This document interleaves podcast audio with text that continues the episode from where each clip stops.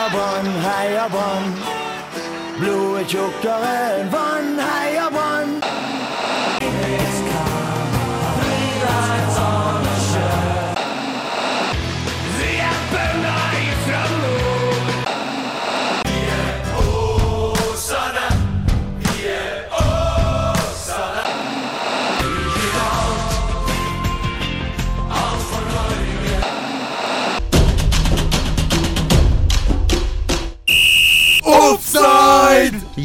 Hjertelig velkommen til nok en ny sending av eh, Offside. De fem store ligaene er ferdig og eh, så å si avgjort, men offside-toget ruller eh, videre av gårde inn i sommerferien.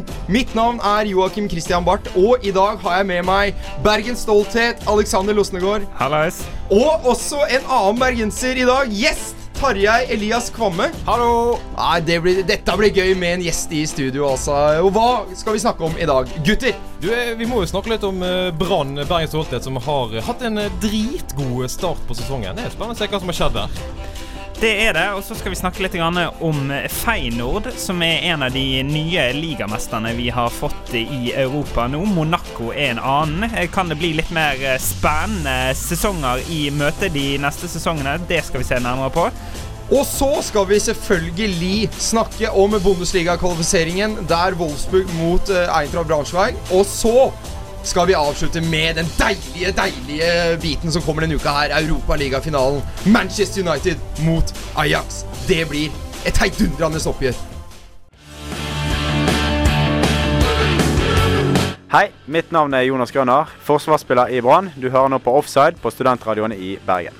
Vi er vi er Bergen stolthet. Vi er Bergen, en stor berømthet. Det er ingen tvil om hvem som vinner i dag. Og i finalen er det Brann som er mesterlag. For to år siden lå de med brukket rygg nede i Obos-ligaen. I fjor ble det sølv. I år ser det ut som de er de nærmeste konkurrentene til Rosenborg i Eliteserien 2017. Ja, jeg snakker selvfølgelig om Brann Bergens Stolthet, hvor Jonas Grønner så fint sier han spiller, og at han hører på At dere hører på Studentradioen i Bergen. Og Aleksander, Alexander, utviklingen til Brann, det er helt spinnvilt å være vitne til. Ja, det har vært utrolig fascinerende å følge med de siste to sesongene fra eh, en trist eh, Ikke en trist sorti, men en trist periode med Rikard Norling til eh, nye høyder under Lars Arne Nilsen. Eh, men ikke bare det. Fra forrige sesong og til denne sesongen så er det òg mulig å se tydelig utvikling nå som vi er kommet uh, har undergjort en tredjedel av sesongen. Uh, Brann har en mye tydeligere spillestil denne sesongen enn de hadde forrige sesong. Uh, I år, et godt eksempel på det, 3-0 eller 4-0-skåringen mot Sandefjord. Ballen spilles opp i midten til Fredrik Haugen. Ut på kanten. Innlegg foran mål, og så er det den andre bevegelsen, bevegelsene som kommer etter det første innlegget, som gjør at det ender med at i det tilfellet Gilly Rolandsson løper ballen i mål. Rett pang i goal. Og du Det er- merker jo at vi har blitt uh, bortskjemte. Nå må man til og med si ja, Var det fire eller fem 0-mål? Jeg husker ikke helt. Det, det er jo For første gang på veldig mange år Så er det dritgøy å gå på Brann stadion igjen som Brann-supporter, og det setter i hvert fall jeg utrolig pris på. Ja, for det virker jo som at de nå har fått med seg publikum eh, veldig her, da. Det var jo nesten fullsatt på eh, 16. mai, og det var en god del som reiste til Sogndal også. Har de liksom fått tilbake den der entusiasmen nå? nå? I starten av sesongen tenkte vi ok, nå har de tatt sølv, hvorfor er det ikke flere her? Og så gikk det to matcher, og så plutselig så kom folk. Den helt store entusiasmen eh, har kanskje fortsatt til gode å innta Brann stadion. Men det er jo litt det som er blitt kjennetegnet på Brann de siste sesongene òg. Det er veldig nøkternt. Det er, de er veldig opptatt av å ikke bygge forventningene for høyt. Men som vi skal komme inn på, kanskje er dette den sesongen hvor man etter hvert bør tørre å si det. Ja, men ok, nå skal vi faktisk være en reell utfordrer til Rosenborg. Ja, for det må liksom bli um, Når vi liksom ligger og kjemper der om plassen bak Rosenborg som gjorde i fjor, det er ikke så interessant, liksom. Det, ja, det er kult å være nummer to, men det er jo ikke nummer én. Jeg husker jo i nedrykkssesongen 2014, de siste kampene der, når det sto om nedrykk, da var det trøkk på stadion, da. Når det faktisk hadde noe å si, når kampene var betydningsfulle og sånn. Så uh, kanskje det er rett og slett bare det siste steget. Nå er Brann bare ett poeng bak Rosenborg. Det er nå det begynner å virkelig bli, dra seg til og bli spennende der. Ja, men som dere sier, og at eh, folk eh, tør å si at vi skal være der og kjempe. Og er det det at de har mangla litt profiler før. Nå er det folk som tør å stå fram. Fredrik Haugen har vært outstanding og tør å snakke litt i media. Daniel Bråten har tatt opp hansken. Gilly Rollandsson har en helt ny, eh, ny vår, holdt jeg på å si, i Brann som venstre kant. Er det profilene som står fram her nå? De få profiler. Tarjei, du som har fulgt Brann litt. Ja, det- Ja, du, du også, men Ja. du er litt mer sånn sup- supporterperspektivet. Ja, det var jo mange som frykta at når Erik Huseklepp forsvant i fjor, så mistet vi egentlig den eneste spilleren som, som folk forbandt med Brann, da. Eh, men kanskje Fredrik Haugen er på vei til å bli den neste. Han har jo gått hardt ut og sagt at han vil spille på landslaget til Lars Lagerbäck. Jeg er litt i tvil om han er helt der ennå, men eh, hvis Brann fortsetter med den formen, kanskje Fredrik Haugen blir en eh, stor profil både i Bergen og i Norge. Men han er òg kanskje den som skiller seg mest ut i denne troppen, fordi blant spillerne ellers så er det Altså, de er åpenbart blitt godt trent av Gorm Natlandsmyr, mediesjef i Brann. De vet hva de skal si, og hva de ikke skal si. Og det resulterer ofte i at hvis du prater med en del av de, så er det ofte litt platt og litt kjedelig. Det kommer ikke noe som skaper de aller største overskriftene fra Branntroppen. Men Fredrik Haugen, som nå denne uken har vært ute og sagt det at ja, men når vi er på vårt beste, så er ikke vi så langt unna Rosenborg. Og hvis vi klarer å fortsette dette, som det jo tyder på etter at de kom med et særdeles imponerende comeback i Sogndal, så kan de være med og utfordre Rosenborg denne sesongen. Og som du sier, Tarjei, jeg tror på en måte det er det bergenserne vil se. Altså Om Brann til syvende og sist ender fem poeng bak Rosenborg eller ti poeng bak Rosenborg, så tror ikke jeg det er så farlig hvis du har en tropp og en trener som har vært ute og sagt det. Ja, men ok, i år så skal vi utfordre Rosenborg. Det er det som pleier å skape entusiasme her i Bergen. Og så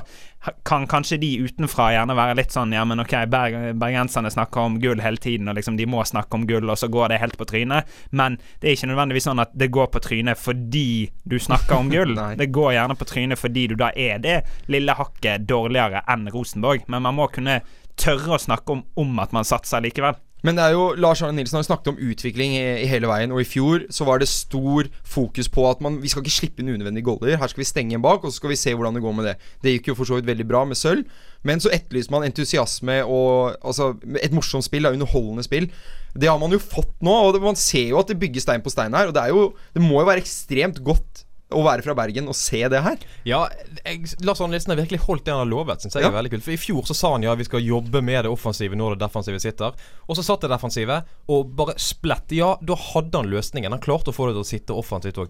Og de overlappene på vingene, Aminor og Ruben Kristiansen, og, og innleggene som blir slått inn til Jakob Orlov hele kampen der, det er Du ser tydelig at de har tatt enorme steg i det offensive Ja, spillet. jeg, jeg må si at jeg sleit litt med å tro på Lars Arne Nilsen når han sa at ja, vi skulle først eh, bare sette defensive, og så skulle, skal vi begynne å spille fotball. Jeg sleit litt med å tro på det, for det er, sånn, eh, det er sånn man sier når man spiller lite underholdende eh, og satser på poenga. Man vil liksom ikke si at nei, her skal vi bare gå for poeng.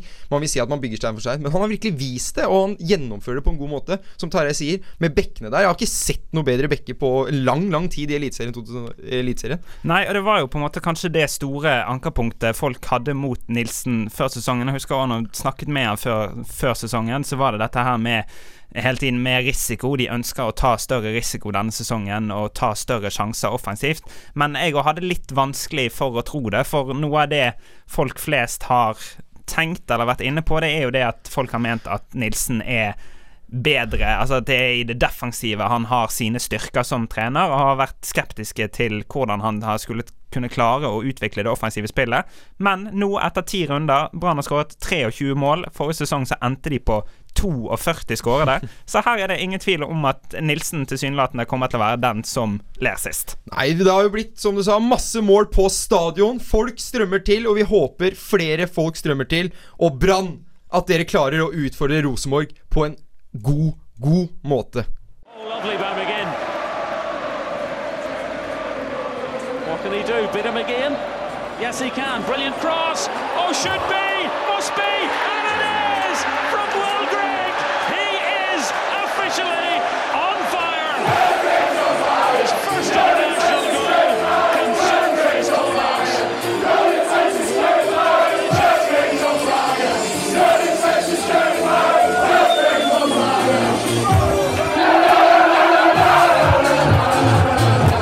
Offside for deg som digger fotball. Vi gjør som Emil Hansson, vi, og setter oss på flyet fra Bergen til Feyenoord. og eh, skal se på det første seriegullet til Feyenoord fra Nei, siden 1999. Og eh, man kommer ikke eh, utenom solskinnshistorien Dirk Coit, som var i Feyenoord i 2003 til 2006. Dro til Liverpool, ble en legende der. Dro til Fenerbahçe, er tilbake nå i Feyenoord. Sier at han skal legge opp med fotball, og skårer hat trick i sin siste kamp for Feyenoord. Og sikrer det første seriegullet på lang, lang tid. Det er deilig, Tarjei. Ja, Det er jo altså, en av de største solskinnshistoriene som jeg kan tenke meg. Altså. Det er helt sinnssykt. Siste kampen skal legge opp tilbake i barndomsklubben. Vinner ligaen med hat trick. 36 år gammel mann. Det er jo helt utrolig. rett og slett Ja, det er deilig. Og så I tillegg er han blitt eh, 38 år. Nei, 36. 36 år, og eh, ja. Nei, det er deilig å se på. Men eh, Alexander, første seriegullet til Feyenoord på lang tid, det er, eh, det er noe å se opp for Er det en klubb å se opp for i fremtiden? Feyenoord har jo historisk sett vært en klubb å se opp for. De vant eh, serievinnercupen i 69-70 under Jeg skal ta en råsjanse og si at det var Ernst Happel, det er jeg ikke 100% sikker på. Men altså, i tradisjonelt perspektiv, både i Nederland og i eh, Europa generelt, så er dette en storklubb. En klubb som har mange trofeer å vise til. Og sånn sett så var det jo en ekstremt etterlengtet ligatittel, men det rakk jo virkelig å bli squeaky bum time her før de kom seg i mål med denne tittelen. For de hadde jo fylt opp eh, De Coip eh, helgen i nest siste serierunde. Skulle spille borte mot eh, lille bynabo Excelsior. Eh, svær storskjerm i alle retninger, så alle tribunene var fylt, og det var virkelig klart for fest. Og så røyk de altså 3-0 for den lille bynaboen. Og da var det nok en og annen når det er så mange år siden du har tatt din forrige ligatittel, som rakk å tenke at ok, kanskje går det ikke veien denne gangen heller. Nei, for de eh, ble jo pusta i nakken av Ajax der, men eh, Altså, Det er vel litt mer sjarm å avgjøre dette på hjemmebane, da, sammen med fansen? Ja, jeg er helt enig i det. Jeg skulle trekke fram samme eksempel fra når Brann tok gull sist. Så var det masse folk på Festplassen. Vi spilte borte mot Ålesund. Kunne tatt serien med seier, og så eh, blir det 2-2. Erik Huseklepp setter han i stolpen. Eh, altså på åpent mål fra én meter. Det var da litt sånn samme stemning. Eh, men det å få det på hjemmebane, og liksom, i hvert fall når du får kapteinen, legenden, skåre hat trick, og alle på tribunen er helt med, alle får den der eh, både gleden og lettelsen når du ser at gullet faktisk skal til klubben du er glad i. Det er noe helt spesielt ved det. Men for å snakke om konkurransen i Nederland, da. Nå tok jo Feyenoord serien i år. Eh, PSV har vunnet de to eh, foregående årene, før Ajax hadde fire på rad. Eh, det virker som at Ajax på en måte har nedprioritert serien Eller de har ikke nedprioritert det, men de ser, nå de, er det finalen i Europaligaen. Ser man at Ajax på en måte prøver å slå gjennom litt mer internasjonalt og i Europa enn enn serien? da Det er jo ikke utenkelig at de som en tidligere Champions League-vinner legger litt mer i den europeiske potten enn en del av de andre nederlandske lagene. Altså Nederland er jo en nasjon med relativt stolte fotballtradisjoner både på klubbnivå og på landslagsnivå. Landslaget det får vi ta en annen sending om, for der er det jo ikke så mye å skryte av for tiden. Nei, Det kan vi snakke om i fem-seks timer. Det hadde ikke vært uh, særlig utfordrende heller. Men selvfølgelig, altså De har nok ikke nedprioritert ligaen, men hvis du ser på alderen på den troppen som nå er i uh, Europaligafinalen, så har det nok gjerne òg eh, Kall det vært et lite generasjonsskifte der, hvor du har fått opp noen nye unge spillere som du på en måte har blitt nødt til å bygge laget litt grann på nytt rundt. Og så ser vi jo det at eh, hvis vi ser litt tilbake i tid òg, så går det tilsynelatende i Nederland i litt sånne sykluser. Eh, som du nevnte, Joakim, PSV de siste to sesongene, Ajax fire sesonger før det igjen. Og så hadde du Tvente og Aset Alkmaar som vant hver sin sesong før det igjen. Eh, sånn at det går på en måte eh, Det virker I Nederland så virker det å være såpass jevnt, i hvert fall mellom si Ajax, PSV og Feinord, eller i hvert fall de på en måte de antatt tre største klubbene, at litt sånne Det er små marginer som avgjør om det til syvende og sist er det ene eller det andre laget som vinner. For vi kan jo si, Tarja, at eh, æresdivisjonen er kanskje noe av de mest spennende ligaene å følge i Europa. Ja, eh, bortsett fra den fireårsperioden med Ajax-dominans vi hadde på starten av 2010-tallet, så er det jo en liga der det byttes litt med, med ligavinnere. Litt mer spenning. Eksempel mer spenning enn i Norge for tiden.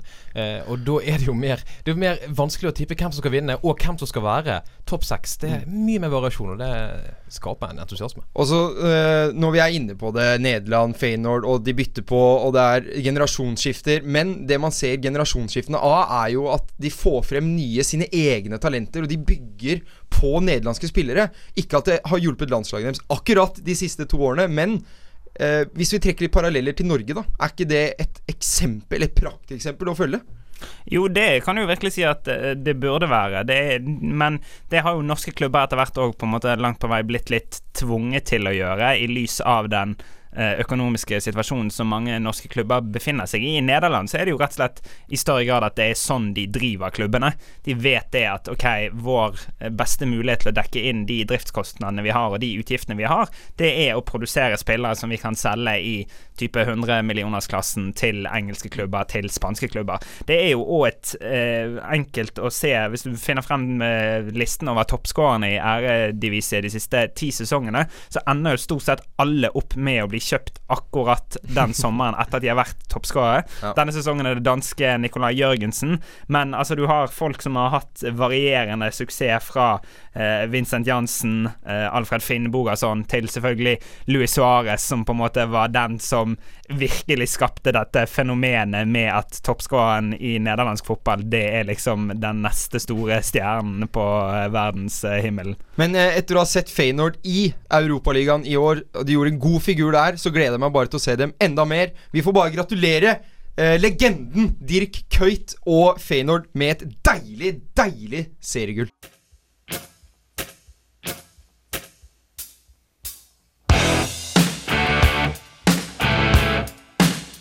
Halla, mitt navn er Melvin Gjallal. Du hører meg på Offside på Studentradioen i Bergen.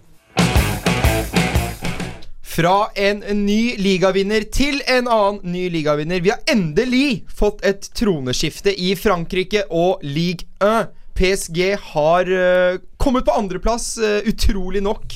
Monaco vant med åtte uh, poeng, blir det. Så god margin fikk de faktisk slutt. Altså, den, den, dette talentlaget til Monaco da, klarer å karre til seg 95 poeng i ligaen. Det er en prestasjon i seg selv, eh, Tarjei. Ja, det er ekstremt imponerende med en så ung stamme som det laget har. Du har Falcao på topp, selvfølgelig, som har erfaring. Og så har du Kamil Glick i midtforsvaret òg, som har litt sånn erfaring. Men ellers er det bare talent etter talent, som jeg tror Altså, jeg tror når du ser liksom tilbake om ti år, så kan du si at det laget som vant, så er det masse verdensstjerner på det laget der, altså. Ja, det er jeg helt sikker på. Og det som er så deilig å se, da er at PSG endelig kom ned fra tronen. Det var mange som tippa at de skulle vinne igjen, og Kavani har skåret masse, masse mål. Men rett og slett så har ikke de andre spillerne steppa opp eh, gamet etter at de mista Zlatan. Nei, men, men historisk sett så er for så vidt ikke det at du nå får en, en ny i hermetegn ligavinner, noen sånn kjempeoverraskelse. Eh, Liga er tradisjonelt en av de ligaene som det har vært størst variasjoner i. Fransk fotball generelt. Eh, ingen fransk klubb har flere enn ti ligatitler. Marseille har flest med ti. Eh, men hvis vi går tilbake til eh, disse årene før PSG vant fire sesonger på rad, så hadde du altså fire år hvor det var fire forskjellige ligamestere. Du hadde Bordeaux først i 08-09. Så Marseille, så Lille og så Montpellier. Eh, før det hadde du riktignok en periode hvor Lyon gikk fra å ta sin første tittel i 01-02, og så tok eh, syv på rad. Ja. Men sånn historisk sett eh, så er fransk fotball eh, åpent. Ja, det er veldig uforutsigbart, egentlig. Og vi håper at det kan bli det igjen, nå som også NIS meldte seg på i kampen med Balotelli i spissen. Monaco tar det fra PSG. Eh, det blir en ekstremt morsom League Ø-sesong til neste år, eh, muligens. Ja, det spørs jo helt med Monaco da hvor mange av disse spillerne sine de får lov til å beholde. Mbappe spesielt, 18-årige vidunderbarnet. Får de lov til å beholde han? Han kan jo gå for flere ja, jeg har lyst til å si flere hundre millioner pund, men det er kanskje litt å ta litt hardt i.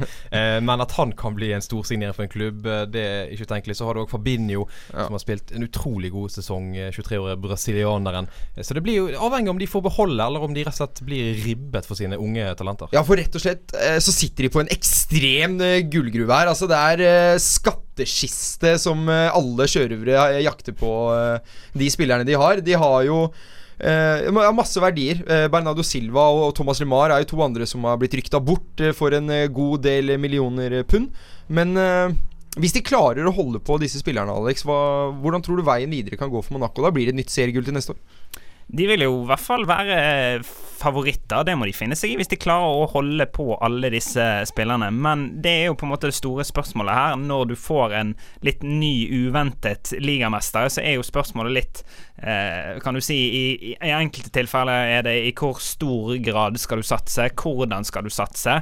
Eh, vi ser Leicester som fikk en naturlig korreksjon, men de hadde jo òg et sommerovergangsvindu hvor de på en måte ikke svei av uhorvelig mye penger og liksom var sånn Nå er vi etablert som en ny toppklubb. Um, men selvfølgelig, Monaco har mye penger, og de er nok i så måte ikke nødt til å selge noen, men samtidig eh, det er en vanskelig jobb å holde alle de spillerne fornøyde hvis det er masse agentsnakk og masse tilbud fra andre steder. Men eh, altså nye serievinnere i hermetegn. eh, Skal vi bevege oss litt videre til Belgia? For der også har vi fått et nytt lag på tronen. Men det er et lag som tidligere har vært veldig ofte på tronen. Anderlecht har igjen tatt over det seriegullet, Tarjei. Ja, tilbake der. Jeg, altså, Når jeg tenker på belgisk fotball, så er det jo egentlig Anderlecht jeg eh, først og fremst tenker på. Det er jo Klubb Brygge der, og Genk og Gent, disse to Gent Gent-lagene. Gang, gang, gang.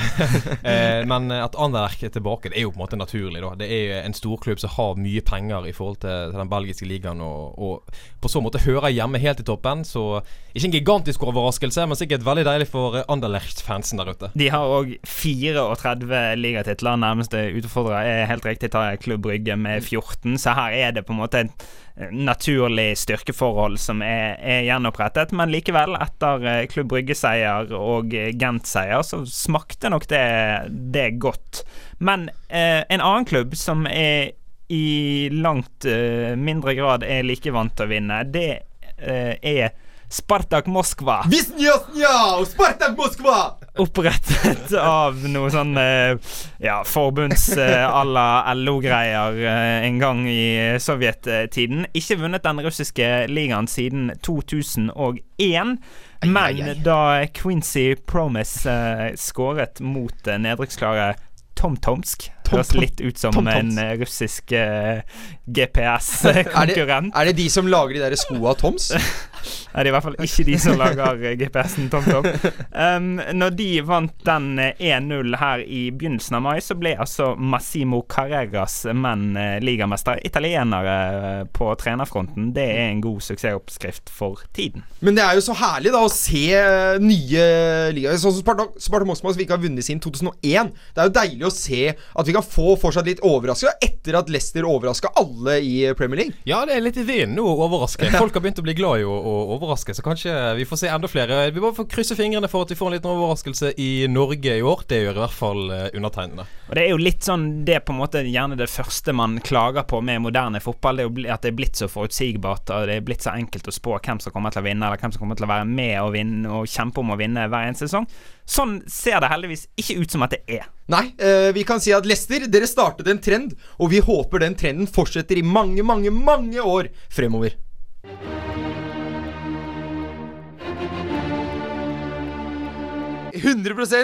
så mener jeg at jeg hadde klart ti mål som spiss for Start i Obos-ligaen. Lett.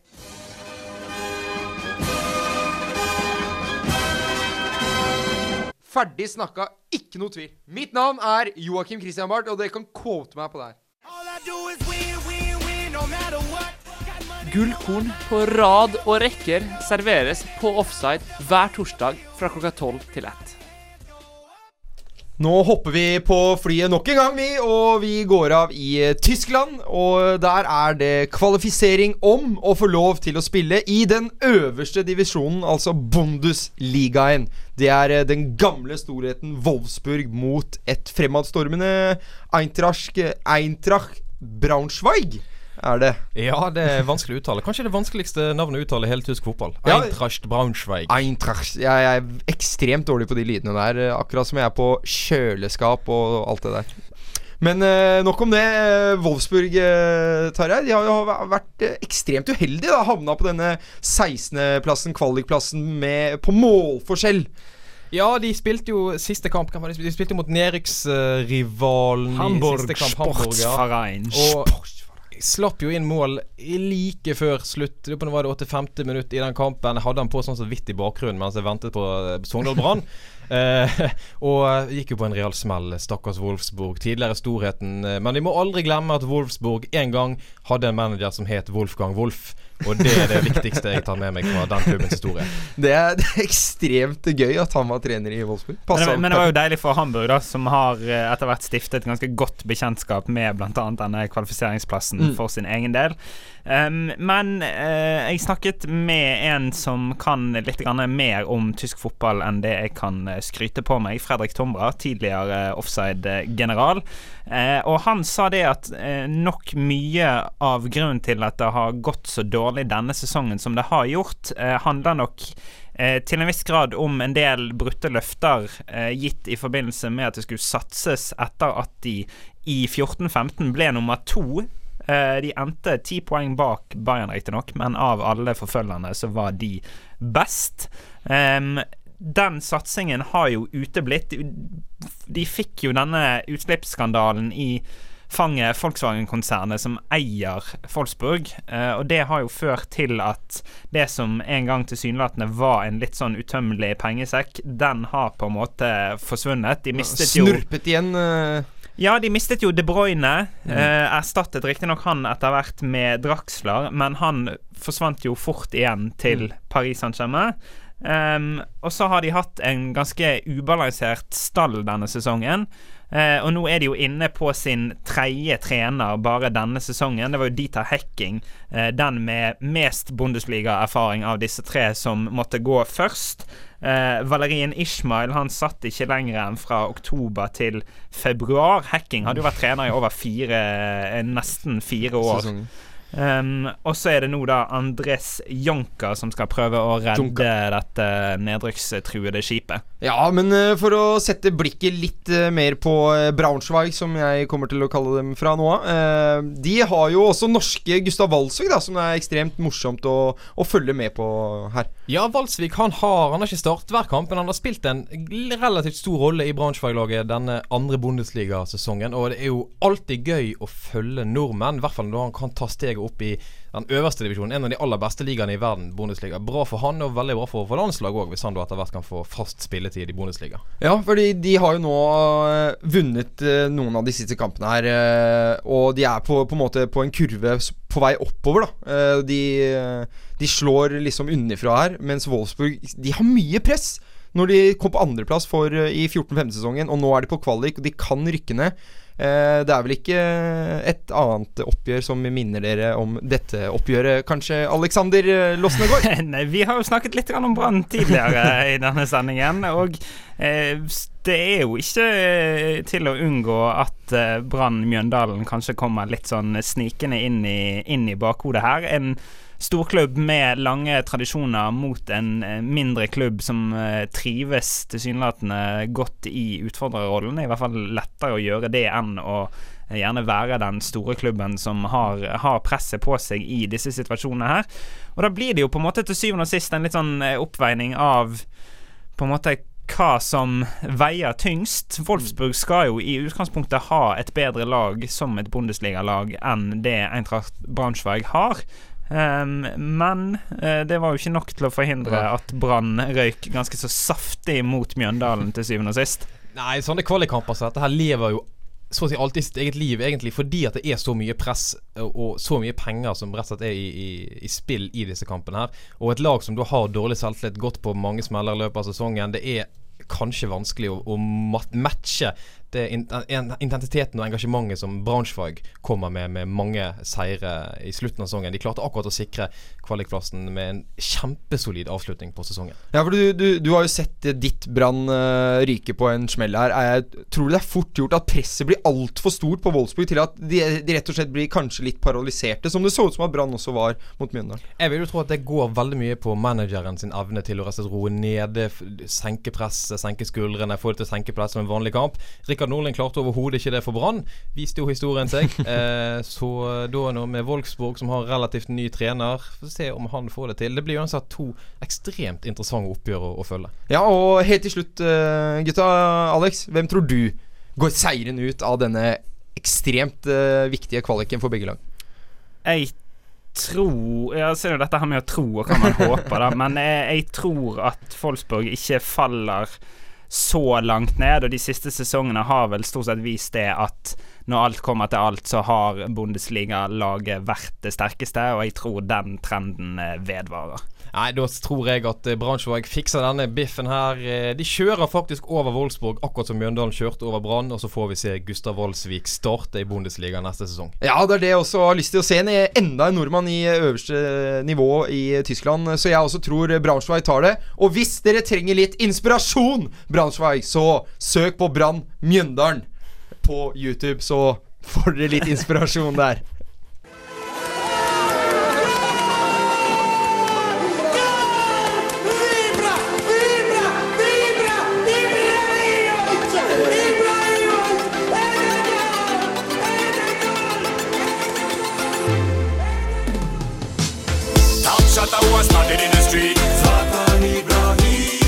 Offside.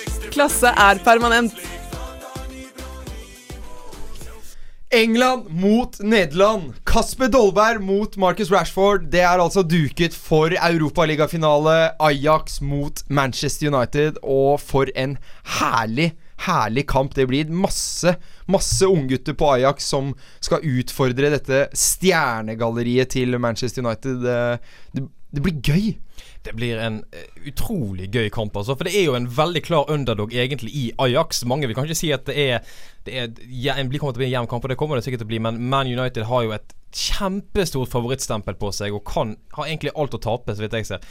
Så alt ligger til rette for en utrolig underholdende og eh, en kamp der uh, supporterne vil bite negler lenge, tror jeg. Ja, Alex, du eh, som Chelsea-supporter veit jeg har mye å si på det temaet jeg tenkte jeg skulle være litt kjedelig, egentlig. For jeg tror ikke Altså, jeg tror vi er avhengige av en, en Ajax-skåring, og eh, kanskje en Ajax-skåring ganske tidlig, hvis det skal bli en spesielt underholdende kamp. At det kan bli spennende, særlig hvis det står seg med 0-0 lenge. Det går jeg helt med på. Men eh, underholdningsverdien tror jeg kommer til å være så som så, for da er vi litt tilbake på det vi har vært eh, inne på tidligere. Når en viss eh, portugiser ved navn eh, José Mourinho havner i disse situasjonene her, så er det én ting han bryr seg om, og det er at det er United som hever den pokalen når kampen blåses av. Og da er ikke veien frem dit så viktig for Mourinho. Nei, men hvis man tenker litt tilbake på Ser, ser et lite skråblikk tilbake på sesongen, så ser vi jo at Ajax tapte jo serien på på, på håret eh, på slutten. Eh, United eh, ligger på sjetteplass i hele året, nesten. Ajax slår underfra. United har alt presset på seg. For de får ikke Champions League med mindre de vinner denne kampen her. Eh, kan Ajax eh, profitere av det enorme presset til United? Jeg tror nok at er det én manager som klarer å få laget sitt til å ikke tenke på det, så er det kanskje Mourinho. Altså. Eh, en ekte sånn her bakgrunnsspiller, kan man si, som har fingrene i mye. Og eh, jeg tror nok at motivasjon og pressbehandling si, til, til United Det tror jeg faktisk ikke kommer til å være et så stort problem. Eh, men det jeg tror kommer til å skje, er at eh, Marcus Rashford skårer etter to minutter, og United legger om til en 9-0-1-formasjon. Men, men det, altså, det må de jo leve med her, United. For dette har, presset har de jo i stor grad lagt på seg sjøl. Eh, sånn som det ble nå med de siste seriene, så har det jo i noen uker vært klar at dette er Uniteds mulige billett inn i neste sesongs Champions League. Eh, bare se på den lagoppstillingen Mourinho har stilt med òg de siste seriene, så er det her denne kurven de legger absolutt alle eggene sine i. Eh, men som sagt, altså Det er jo eh, dette han har blitt kjent for, Mourinho, å være den treneren du vil ha i de enkeltkampene. Men hvis Ajax eh, skårer først, eller hvis de skårer tidlig, eh, så kan det jo bli ekstremt spennende å se hvordan United eventuelt responderer på det, i lys av at United denne sesongen, som vi har vært inne på tidligere offside, ligger øverst på alle statistikker som har med å brenne sjanser og skyte i stolpe og i tverr og eh, rett og slett manglende effektivitet. Ja, og det med at eh, også Mourinho ser ut til å ikke ha så mye tydelig plan B i, eh, hvis det går til helvete i starten. Da, så, så sliter man å kunne regroupe og, og finne en ny plan eh, ute på banen der. Da. Men eh, nøkkelen til eh, Manchester United som Liverpool-supporter, uh, hva, hva er nøkkelen? Nøkkelen tror jeg blir å eh, ikke slippe inn mål. eh, kanskje litt sånn Michael Owen-ting å si, men eh, det laget som skårer flest mål utpå der, kommer til å ta pokalen hjem. Eh, og eh, United sliter med å banke inn fem mål i en hvilken som helst kamp. Jeg har sagt det at jeg tror Det er ikke lenge til Mourinho finner en eller annen måte at han kan vinne en kamp 0 minus 1. Eh, det tror jeg Dette kan være kampen der det skjer. Men eh, Joakim, som United-mann eh, En av de tingene som, som jeg syns er det mest interessante her med denne finalen, eh, og som jeg tenkte jeg, som jeg hadde litt lyst til å spørre deg om eh, Hvis United vinner denne finalen, har det Altså hva terningkast gir du da sesong? Har det da vært en godkjent sesong, eller blir dette bare en litt sånn dårlig trøstepremie? Altså, det, du må ikke så mange år tilbake før eh, Mourinho sa det at nei, eh, Europaligaen det er den ene turneringen jeg for all del ikke har lyst til å vinne, for da har vi drept oss ut i utgangspunktet. Ja, nei, eh, for min del så vil jeg ikke være ekstremt skuffa over sesongen, egentlig. Jeg var veldig klar på før sesongen begynte at jeg ikke trodde at vi kommer til å være å kjempe om førsteplassen. Eh, kampen ville bli uh, å komme seg til Champions League neste år, da enten å vinne Europaligaen eller topp fire. Skulle helst egentlig hatt topp fire, jeg skal innrømme det, men uh, når det blei som det blei, og Mourinho har klagd hele året på spillerstanden sin, og at han ikke har nok spillere, han fikk ikke henta nok, og da tenkte jeg da skjønner du lunta ganske kjapt. Så alt i alt vil jeg kanskje gi eh, sesongen en terningkast eh, Ja, går det an å si mellom tre og fire? For det jeg klarer ikke å bestemme meg. Men- Eh, for det er sånn halvveis ok.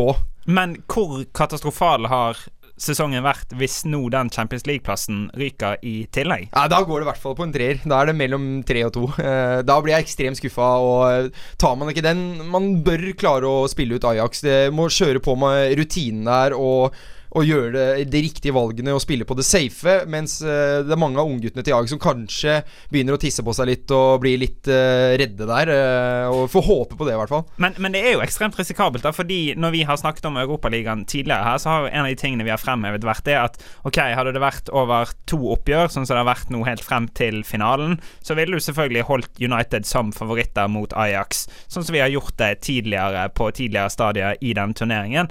Men nå er det denne ene matchen. Det er de 90 minuttene. Det kan være han ene som sklir, eller han ene som du ikke ser er på vei tilbake når du spiller det tilbakespillet, og så plutselig så er drømmen gått i tusen knass. Det er jo ekstremt stor risiko her. Det er ekstremt stor risiko, men gutter, vi må uh, tippe, vi. Hvem uh, tipper du, Tarjei?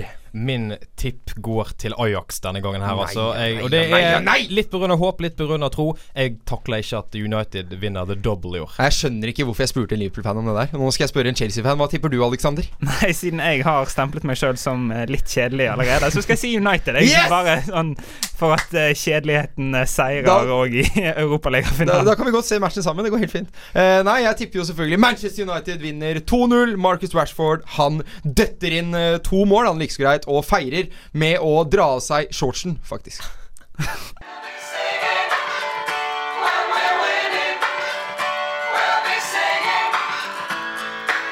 We got Pirates, need three Pirates. I just don't think you understand. He's super Slavens man, he's better than Zidane. We got the Nitri Offside. Torsdager fra 12 til 1 på Studentradioen i Bergen. I get knocked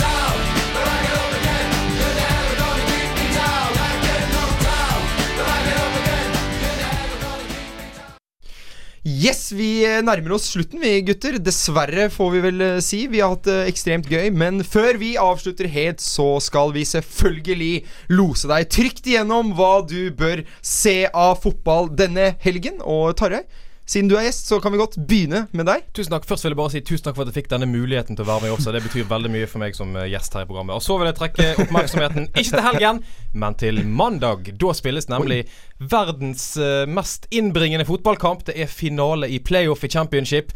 Huddersfield mot Reading på eh, Wembley. En utrolig spennende kamp der mellom Huddersfield, som vel aldri har vært i Premier League, så vidt jeg eh, kan trekke ut av hjernebarken på nåværende standpunkt. Nei, jeg er ganske sikker på at de aldri har vært det, faktisk. Ikke, ikke når det har hett Premier League, i hvert fall. Nei, ikke når det har hett Premier League. Og som har en utrolig spennende manager i eh, David Wagner, heter han vel. eh, Bestekompisen til Jørgen Klopp. Det blir spennende. Jeg håper Huddersfield tar Reading der, så får vi enda et nytt bekjentskap i Premier League neste sesong. Jeg trodde jo kanskje du skulle nevne Lysekloster Brann, Tarjei, men den gang ei. Lørdag 18.30 så er det tid for FA-cupfinale. Arsenal eh, uten Laurent Korsielny etter hans eh, glitrende smarte påfunn i helgen, mot de eh, nybakte ligamesterne Antonio Contes Chelsea. Eh, jeg er i Beijing på det tidspunktet, så hvis noen har en, et forslag til hvor man kan se FA-cupfinale halv to natt til søndag lokal tid, så send meg en melding på Facebook. Ja, eller skriv på offside-gruppa, så kan alle vite det. Det, Det hadde, hadde vært strålende. Så samler vi en liten gjeng i Kinas eh, Men uh, før den matchen på lørdag, så er det altså et kjempeoppgjør i den deiligste ligaen i hele verden. Den mest uforutsigbare ligaen. Tror ja, vel. ja, hvem er det? Det er Obos-ligaen, selvfølgelig. Det er Start mot Jerv. Og sist de møttes på Sør Arena, så var jeg der. Og da utkonkurrerte Jerv-fansen Start-fansen. Så vi får håpe at tilskuertallet ikke blir 580 denne gangen, men at vi kanskje klarer å nærme oss over 1000. Så er vi fornøyde. Jeg passerer 600, i hvert fall. Men eh, takk til alle som har hørt på. Vi har kost oss kjempemye, og vi håper dere også har kost dere. Hvis dere ikke har det, det var synd. Men eh, vi er tilbake uansett neste gang. Følg oss på alle sosiale medier. Søk Offside på Facebook, søk Offside på Instagram. Til og med på Soundcloud er vi også. Det er alt mulig, altså, denne verden vi lever i.